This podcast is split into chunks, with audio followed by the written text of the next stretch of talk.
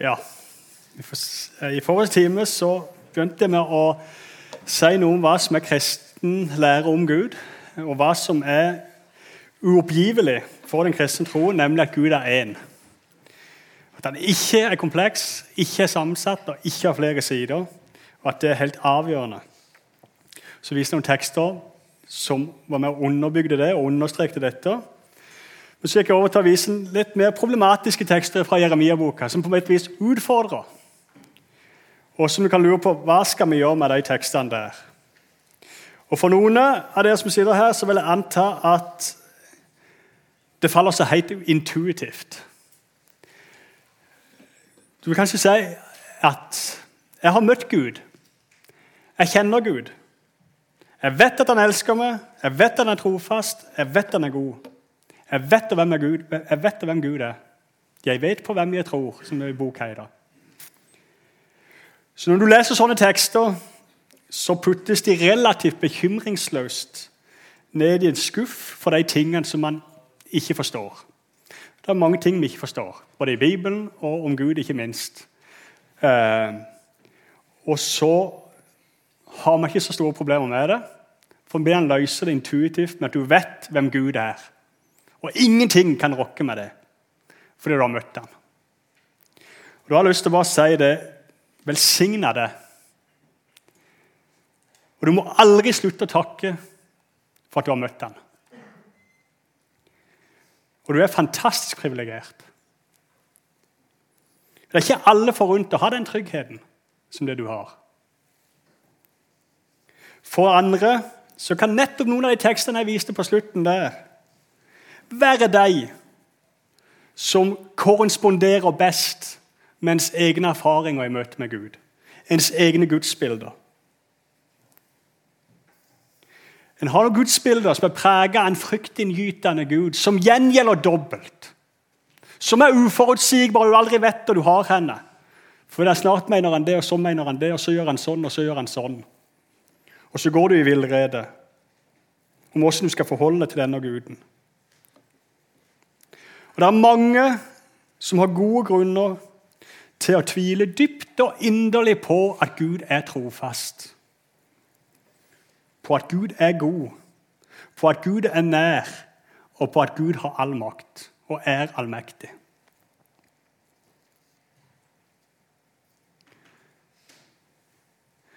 Og Til det så har jeg bare lyst til, så jeg kan egentlig ikke si så mye. Det er ikke noe quick fix.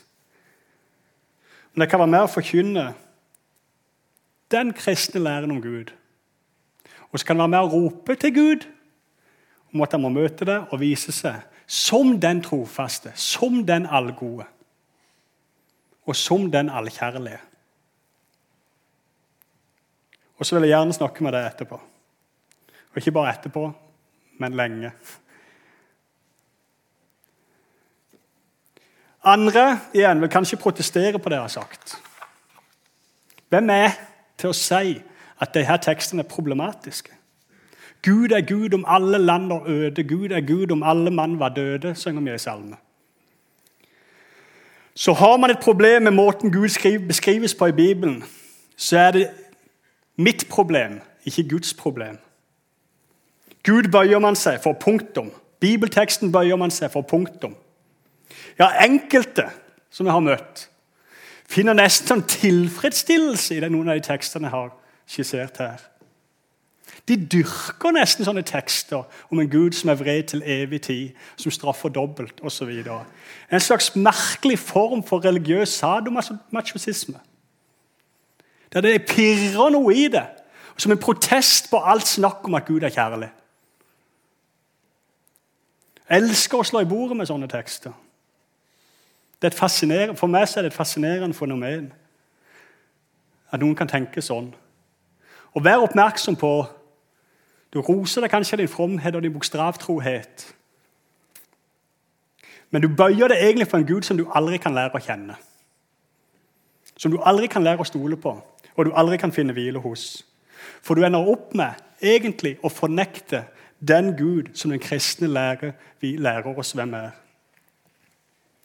Strengt tatt står du igjen med en Gud som ikke er mer verdt enn de superheltene, vår tids superhelter, som er komplekse og sammensatte figurer og karakterer. Og så ender du opp med å miste det du søker å forsvare.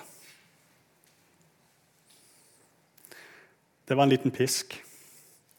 Til sist, og det er kanskje det jeg henvender meg mest til, og det har jeg kanskje skjønt allerede, så er det jo de som utfordres mer teologisk og kanskje intellektuelt av de tekstene. Som lurer på hvordan håndterer Du har møtt på de tekstene sjøl og lurer på hvordan skal håndtere de tekstene. Hva skal jeg tenke om dem? Du kjenner disse typiske slagordene om å ta Bibelen på alvor og ta det som det står, og ta det bokstavelig. Og ikke misforstå. Ikke misforstå. Slagordene har noe for seg, særlig i vår tid. Men bare når de brukes riktig. Når de ikke brukes riktig, så blir de fort veldig problematiske. Og du kan ende opp med, som jeg nevnte nettopp, å miste det du egentlig søker å forsvare.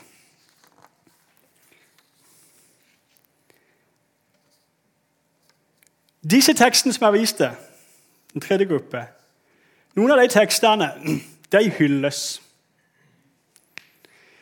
Ikke fordi de er oppbyggelige og flotte, men fordi de viser oss nettopp hvor fryktelig tanken om en, Gud som, eh, tanken om en straffende Gud er. Det viser oss at vi må ta avstand fra dette.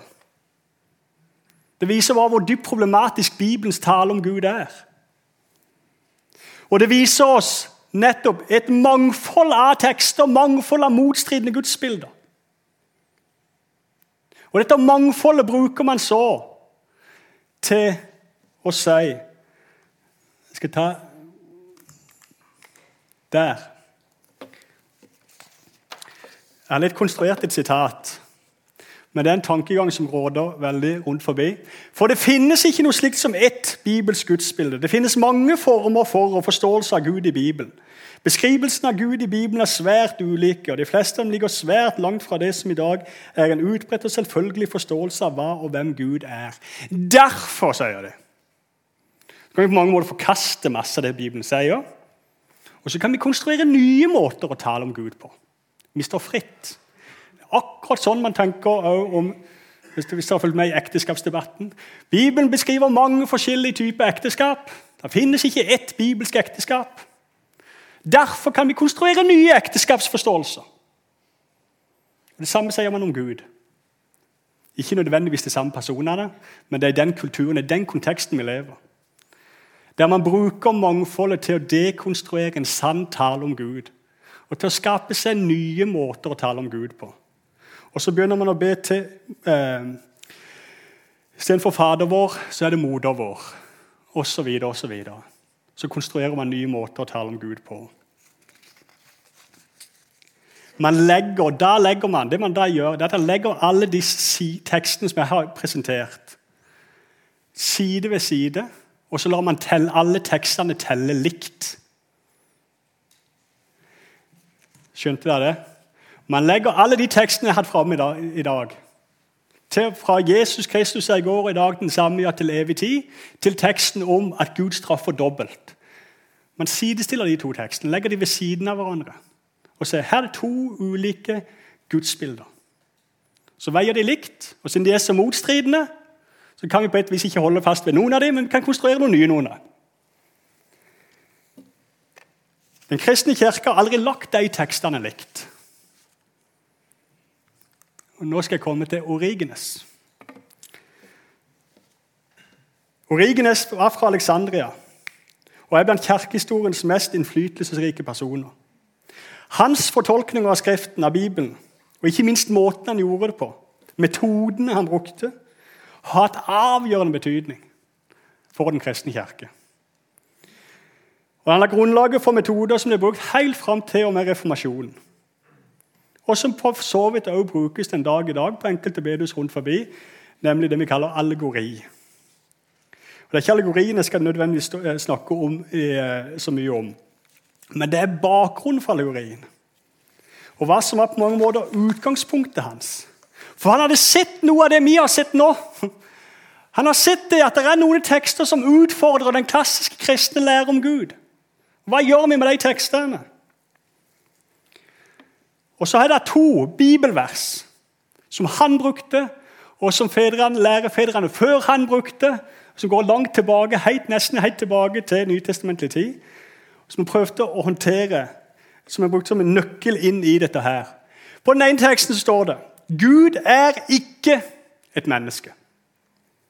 Så han skulle lyve, og heller ikke et menneske som skulle angre. Poenget her er Gud er ikke et menneske. Neste tekst, 5. Mosebok 1,31. Nå hadde han en litt annen oversettelse av den teksten enn det vi har. Så det er ikke helt sånn intuitivt for oss som det var for Rikenes. Men der står det 'Herren din Gud bar deg som en mann bærer sitt barn'. Poenget i hans tekst var 'Gud er som et menneske'. I den ene teksten 'Gud er ikke et menneske'. I den andre teksten 'Gud er som et menneske'. Og Det var hele hans poeng. I Bibelen så har vi tekster som tydeliggjør at Gud er ikke et menneske.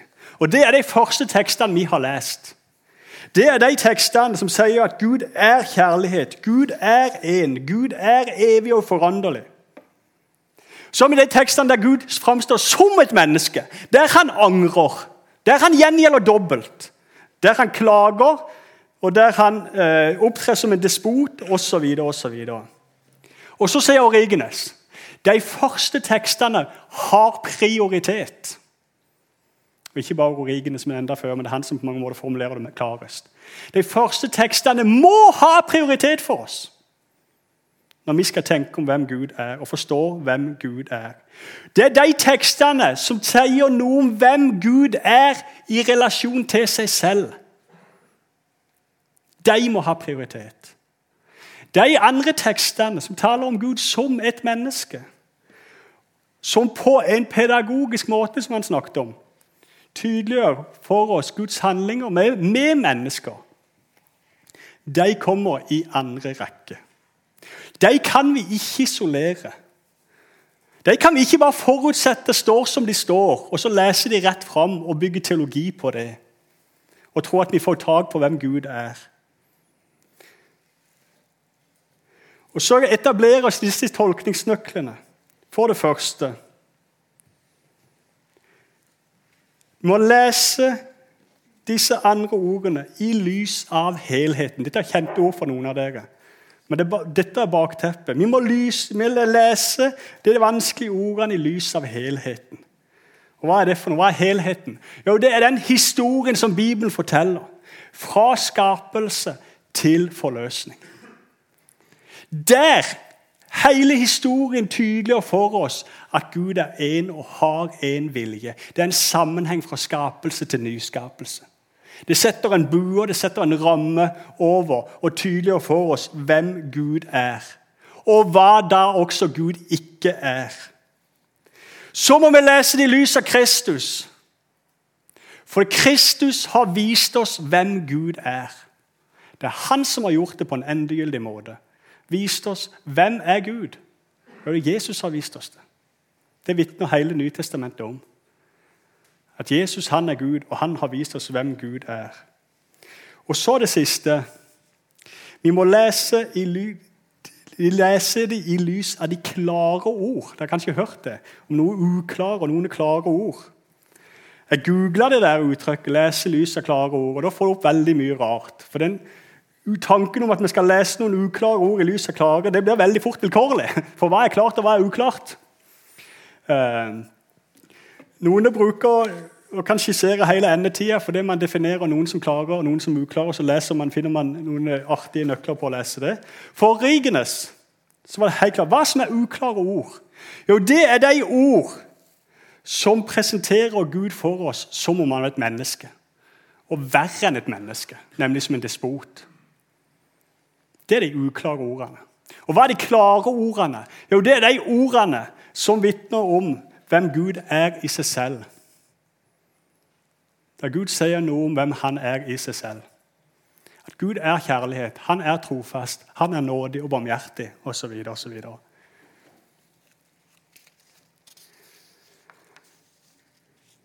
Sånn har den kristne kirke alltid lest det. Og som han sagt, Når man kommer til de vanskelige tekstene, så har sagt, det her må vi fortolke, det her må vi lese annerledes.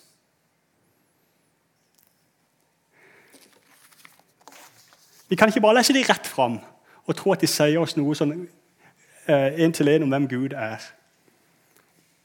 Nå skal vi se på hvordan disse tekstene må leses fra et kristent perspektiv. Disse tekstene om at Gud straffer dobbelt, om at hans vrede varer evig. For de kan ikke stemme. Gud kan ikke straffe dobbelt. Du kan ikke lese det sånn. For hvis Gud straffer dobbelt, så, opp, så fornekter du Guds rettferdighet. Hvis Guds vrede varer evig, hvis Guds vrede over Judas og Jerusalems synd varer evig, så fornekter du også Guds rettferdighet. Så lager du en kompleks Gud og en sammensatt Gud. En Gud med flere sider. Men det du skal være klar over når du leser om disse uttrykkene, om at Gud straffer dobbelt og hans frede varer evig, det er det at du er i Jeremia-boka. Og at i den boka der, som jeg sa, så er det en av de mørkeste bøkene. For der forkynnes det en total og endelig dom over Juda og Jerusalem. Ikke bare en midlertidig tukt av folket for at de skal vende om. Nei, Gud gjør det slutt. Gud gjør slutt på Juda som nasjon. Og han gjør slutt på Juda som sitt folk. Fordi de har brutt pakten med han. Så her er du med et bristepunkt. Nå er det slutt. nå er det dobbelt slutt. Det er slutt som nasjon og slutt som Guds folk. Og Dette med at Guds fred varer evig, må forstås som et eh, uttrykk som understreker nettopp dramatikken og radikaliteten i den dom som Gud nå vender over dette folket. Og Derfor ser vi også når Jeremia skal forkynne frelse etter dommen, så forkynner han ikke 'vende om'. For, det, ikke, for det, er, det, må skje noe helt nytt. Det skjer en nyskapelse. For det er dødt. Så Derfor skaper han liv ut av død. Det er sånn Gud forkynner dom til eh, dette folket.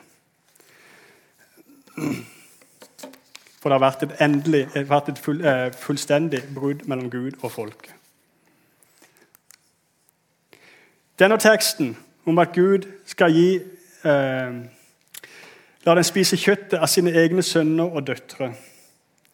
En annen måte dette totale bruddet kommer til uttrykk på, det er nemlig det at Herren i Jeremia-boka, og ikke minst denne teksten her, så assosierer han seg og knytter seg an til Judas fiender. Nemlig med krigsherren, med babylonerne. Og straffen skal komme ved at babylonerne inntar Juda og Gud assosierer seg med disse fiendene mot sitt folk. Og så bruker han da brukes da, så bruker Gud da det samme språket som babylonerne bruker i sine politiske traktater, i sine krigserklæringer mot andre folk. Han bruker akkurat det samme språket. Det er det Gud gjør her for å tydeliggjøre. Jeg er på fiendens side. Jeg er ikke lenger med mitt folk. For nå er det en endelig dom. Og Så må vi forstå det som språklig uttrykk for å understreke dette. Ikke som at Gud er en despot, for Gud er ikke et menneske. Men noen ganger framstilles han som et menneske i Bibelen.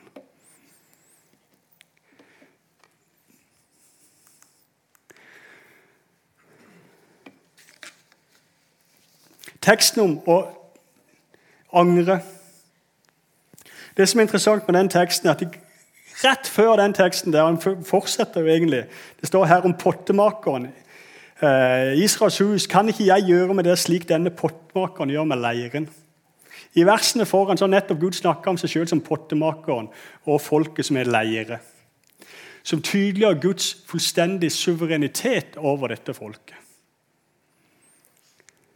Gud former og danner og dreier som han vil.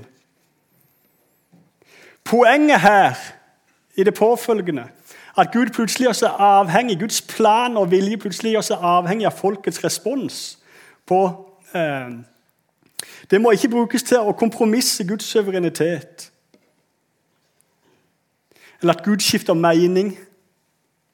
Poenget her, i denne teksten her, det er å vise at Guds profetier og Guds ord generelt, det søker respons. Og det er forpliktende. Og det er altavgjørende hvordan man stiller seg til dette ordet.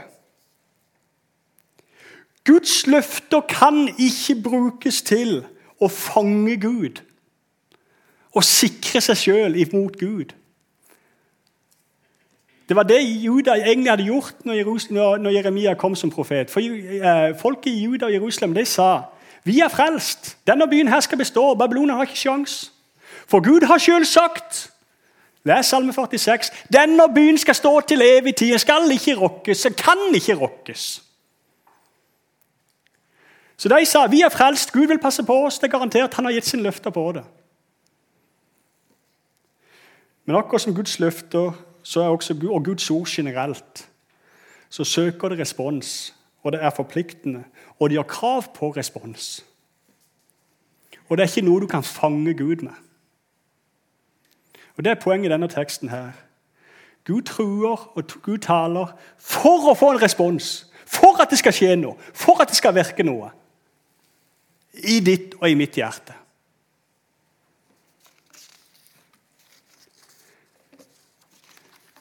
Gud taler ikke sitt ord for at du skal fange Gud og sikre deg mot Gud.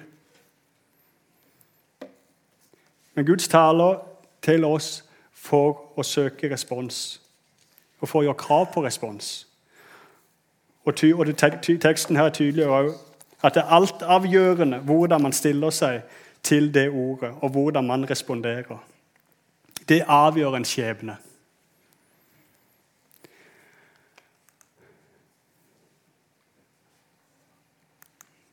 Så blir det fort, og så blir det gale, og så er det mange flere ting å si. Uh, og Jeg håper det er mange kritiske spørsmål. uh, Men jeg har lyst til uansett å slutte, uansett hvordan vi ender opp i alle disse tingene, og alle disse problematiske tekstene, så må tas på alvor. Og så må leses, og så må kjempes med.